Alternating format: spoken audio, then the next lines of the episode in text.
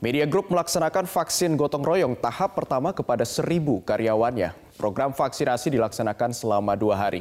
Dan untuk mengetahui bagaimana keberlangsungan vaksin gotong royong Media Group, kita langsung bergabung dengan Yusrin Zatalini, langsung dari Grand Lobby Metro TV Jakarta. Selamat pagi Zata, bagaimana situasi vaksin gotong royong Media Group hari ini? Abdi, saat ini kondisi vaksinasi gotong royong di Media Group, di Media Group ini sudah berlangsung dan tadi sudah mulai sekitar pukul 8 pagi waktu Indonesia bagian Barat dan ini bisa dilihat di sekeliling saya, tepatnya di Grand Lobby Metro TV Kedaya Selatan Jakarta Barat. Sejumlah karyawan yang sudah terdaftar dalam program vaksinasi gotong royong tahap pertama ini sudah berdatangan dan sudah mengantre. Ada juga yang sudah divaksin, ada juga yang sedang registrasi dan ada yang sudah uh, menjalani proses observasi di dalam Grand Lobby Metro TV. Dan kemudian ada sekitar seribu karyawan dari Media Group yang divaksin dan dibagi ke dua hari, yaitu hari ini tanggal 31 Mei 2021 dan juga besok hari Selasa tanggal 1 Juni 2021. Vaksin yang digunakan untuk vaksin gotong royong sendiri adalah Sinovac yang bekerja sama dengan Bio Farma. Kemudian uh, vaksinasi gotong royong ini merupakan adalah uh, maksud kami Media Group adalah perusahaan pertama, perusahaan media pertama lebih tepatnya yang melaksanakan vaksinasi gotong royong di mana untuk karyawan Media Group sendiri ada beberapa karyawan di unit usaha Media Group yang divaksin pada hari ini dan juga besok yaitu dari Metro TV, Medcom.id, kemudian Media Indonesia, Lampung Pos, IDM, PT Indocater dan juga unit-unit usaha lainnya yang memang berada di garda terdepan selama masa pandemi dan tidak bisa bekerja dari rumah rumah. Abdi. Baik, Zata, lalu bagaimana mekanisme vaksinasi bagi para karyawan Media Group?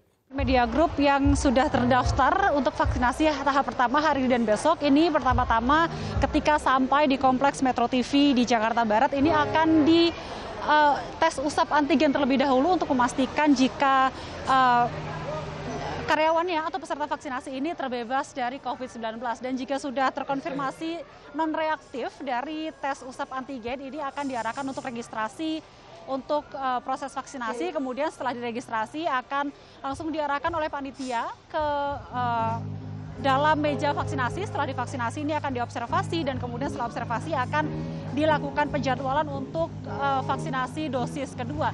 Dan untuk sebagai antisipasi juga ini disediakan ambulans dan juga mini ICU yang yang disiagakan di uh, area Metro TV. Tentunya ini sebagai antisipasi uh, efek samping atau keluhan-keluhan yang timbul setelah vaksinasi. Dan kemudian uh, vaksinasi ini juga merupakan salah satu ikhtiar dari pihak Media Group untuk membantu pemerintah dalam penanggulangan pandemi dengan cara dengan korporasi ini ikut turut serta dalam membantu mempercepat proses herd immunity di lingkup Media Group sendiri.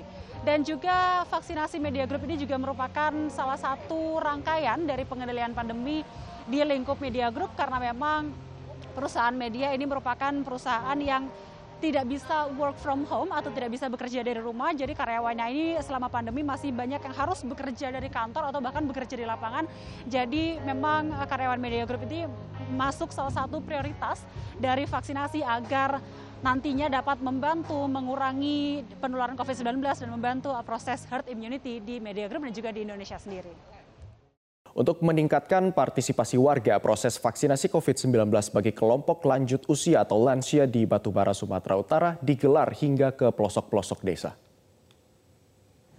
Dinas Kesehatan Batubara terus bekerja ekstra untuk mengejar pencapaian target vaksinasi COVID-19, khususnya untuk para kaum lansia Kepala Dinas Kesehatan Batubara Wahid Husyairi mengatakan ada sekitar 8.000 kelompok lansia dari total 38.000 lansia yang menjadi target vaksinasi COVID-19 tahap 2 di Batubara. Namun hingga kini baru 4.000 lansia yang sudah divaksinasi. Wahid mengungkapkan ada beberapa kendala dalam proses vaksinasi COVID-19 bagi kaum lansia, di antaranya keterbatasan para lansia untuk datang ke puskesmas. Oleh sebab itu, Dinas Kesehatan Batubara melakukan jemput bola dengan mendatangi kantor-kantor desa yang jauh dari pusat pelayanan kesehatan. Meski proses vaksinasi COVID-19 terus berlangsung, Wahid mengimbau kepada seluruh masyarakat agar tetap mematuhi protokol kesehatan banyak bonusnya itu. Sementara itu pemerintah Kabupaten Bandung, Jawa Barat pastikan telah siap melakukan proses belajar mengajar tatap muka di awal Juni mendatang. Hal ini disampaikan oleh Bupati Bandung Dadang Supriyatna saat meninjau kesiapan sekolah di Kabupaten Bandung, Jawa Barat. Menurut Dadang, belajar tatap muka lebih efektif dibandingkan belajar secara daring. Meski demikian, Bupati akan melakukan evaluasi terhadap sekolah yang akan melakukan proses belajar tatap muka. Sekolah pun telah menyediakan beberapa fasilitas protokol kesehatan ketat, seperti menyediakan tempat cuci tangan hingga menyediakan alat penyemprot disinfektan yang otomatis. Untuk ruangan tempat belajar sekolah hanya digunakan 50% dari kapasitas dengan membuat jarak 1-2 meter antar satu meja dengan yang lainnya. Selain protokol kesehatan, para pengajar juga harus telah mengikuti proses vaksinasi. Beberapa sekolah juga mewajibkan siswa melakukan swab test sebelum mengikuti proses KBM tatap muka. Kita prioritaskan bahwa PPDB ini di bulan Juni ya dan sebentar lagi kita akan coba untuk melakukan kegiatan belajarnya dengan tatap muka karena tetap muka itu lebih efektif dibandingkan dengan daring.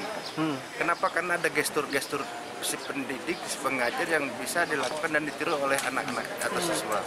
Nah, saya akan evaluasi nanti pada waktu awal bulan Juni berapa kesiapan sekolah yang sudah siap nanti uh, untuk uh, tetap muka dan yang tapi secara kesiapan wilayah Kabupaten Bandung siap saya akan upayakan dan optimalkan insya Allah siap harapan ke depannya ini dengan terlaksananya vaksin gotong royong dapat membantu pemerintah dalam mempercepat herd immunity. Tentunya ini di lingkup korporasi karena memang dari pihak Bio Farma menilai jika dengan terlibatnya swasta dan juga korporasi dalam program vaksinasi ini tentunya akan membantu mempercepat dan juga membantu vaksinasi ini agar tepat sasaran karena langsung diberikan kepada karyawan dari korporasi terutama adalah industri media yang memang berada di garda terdepan dan tidak bisa work from home selama masa pandemi. Kemudian Direktur Bio Farma Hannes Tibashir ini menyatakan jika keterlibatan swasta juga dinilai bagus untuk membantu penanggulangan pandemi dan juga percepatan pemulihan ekonomi di Indonesia.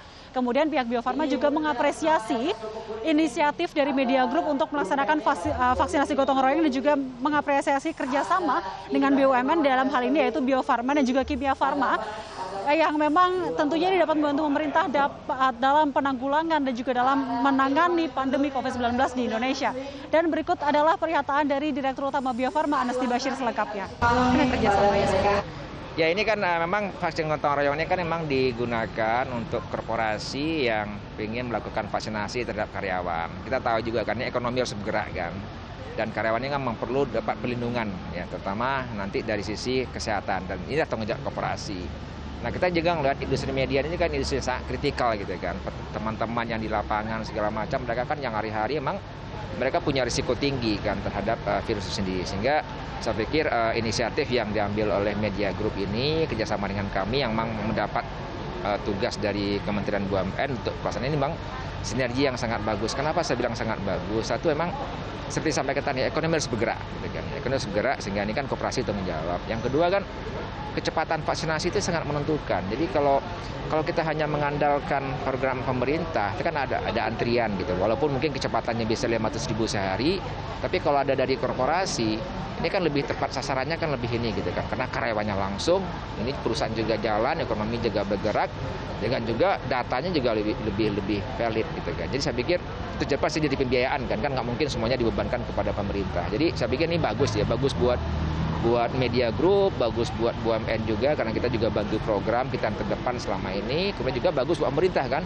sehingga kecepatan herd immunity itu bisa lebih terukur gitu. Jadi saya pikir sih ini harus kita perbaiki, improve terus ya. Sekarang kan kendala kita kan lebih di sisi supply kan, tapi nanti dengan datanya supply lebih banyak mungkin bisa lebih cepat. Gitu. Gelombang tinggi di perairan pantai selatan ujung genteng Kabupaten Sukabumi, Jawa Barat yang terjadi secara tiba-tiba mengakibatkan 11 wisatawan terjebak di atas batu karang saat memancing. Sempat terjebak selama 6 jam, tim SAR gabungan berhasil mengevakuasi para korban menggunakan pelampung hingga ke pinggir pantai. 11 orang wisatawan asal Sukabumi ini pemirsa awalnya tengah memancing di area Batu Karang di dermaga Bagal Batre, Ujung Genteng, di Kecamatan Ciracap, Kabupaten Sukabumi, Jawa Barat. Saat kondisi ombak laut dilaporkan tenang. Namun selang beberapa jam kemudian gelombang tinggi terjadi secara tiba-tiba dan menerjang perairan Ujung Genteng hingga 11 orang tersebut dilaporkan terjebak dan tidak bisa ke pinggir pantai. Sempat terjebak selama enam jam, salah satu wisatawan berhasil menghubungi keluarganya yang menunggu di pesisir pantai. Pertolongan oleh tim SAR gabungan Satpol Airut BPBD SAR daerah Kabupaten Sukabumi dan juga Nelayan berhasil mengevakuasi satu persatu wisatawan tersebut menggunakan pelampung ke pinggir pantai.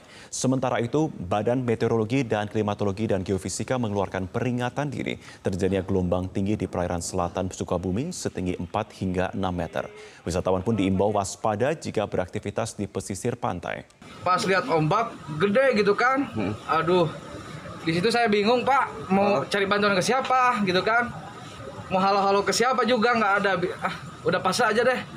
Untung saya bawa HP itu ya HP jadul juga bisa telepon untuk gitu lihat buat cari Informasi pertol- informasi pertolongan gitu. Alhamdulillah masih masih ada lah. Eh, informasi yang kami dapat dari pihak keluarga sekitar eh, 6 jam ya